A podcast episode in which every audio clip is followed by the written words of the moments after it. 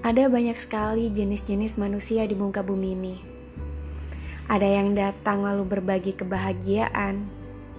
Ada yang datang penuh dengan duka maupun luka. Ada yang tegak berdiri namun lupa diri. Ada juga yang tersungkur tapi tidak pernah lupa untuk selalu bersyukur.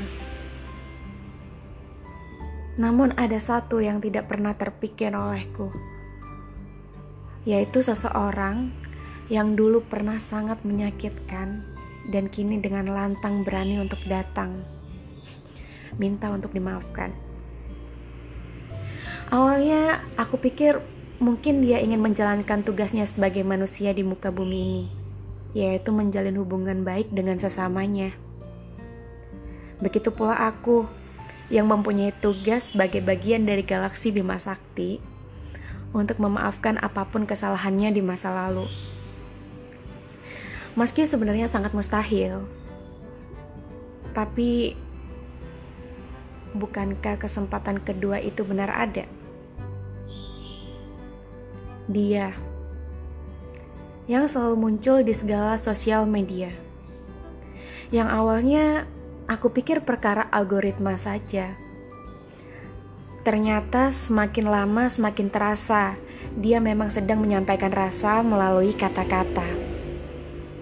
Tidak sekali, dua kali aku menolak untuk rasa ini ada. Selain tidak ingin mengulang luka, karena ada banyak sekali hal yang saat ini harus aku pikirkan dengan matang. Dan dia bukan salah satu dari beberapa hal yang ingin aku prioritaskan. Namun, Hidup terlalu lucu untuk dipahami. Aku sedang menjalani masa di mana hidup dikelilingi oleh circle yang berkaitan dengannya.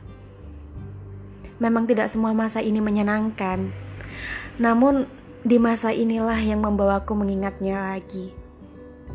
Menyebalkan, karena aku seakan melihat dia ada di mana-mana, namun ternyata hanya bayangannya saja yang tidak beranjak dari isi kepala.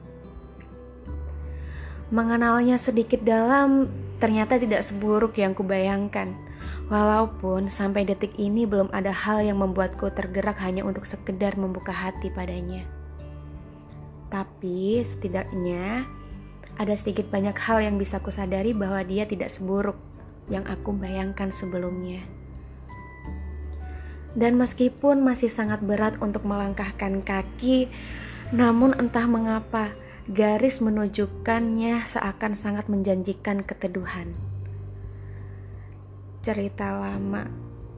Kalau sebenarnya semua lelaki sama saja, bisa disimpulkan bahwa mereka merupakan kaum yang paling bisa menjanjikan di awal, lalu selanjutnya hanya tergantung mata angin saja.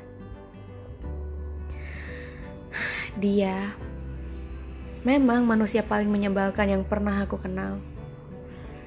Bukan, bukan tentang yang dulu pernah meninggalkanku di tengah kerumunan orang gila dan asik dengan gitar serta dunianya. Namun tentang dia yang selalu menyampaikan rasa melalui kata-kata yang tidak pernah sampai arti dan juga maknanya. Manusia yang penuh dengan kode dan juga the most important person that I have to understand. Ribet ya? Iya karena sejujurnya aku gak pernah bisa menerima seseorang yang hanya ingin dipahami tapi tidak berusaha untuk memahami balik. Kecuali kita minta dengan jelas untuk dipahami. Dan aku juga belum pernah menemukan manusia serumit ini. Manusia yang menyampaikan rasa melalui kata-kata yang nyaris tidak jelas namun sangat ingin menjadi mudah untuk dimengerti. Terkadang hati ingin rasanya berhenti tidak jarang juga ingin lebih melatih diri. Karena bagiku, permasalahan bisa diselesaikan dengan cara kompromi, bukan lari. Dan dari dia, aku belajar untuk mengerti bahwa dunia tidak hanya mengitari diri sendiri. Dari dia juga, aku belajar bahwa semua yang kita lakukan memiliki porsi. Tidak terlalu banyak, dan juga tidak terlalu sedikit. Secukupnya saja, karena apa yang kita beri dan bagi belum tentu dibalas sesuai dengan ekspektasi.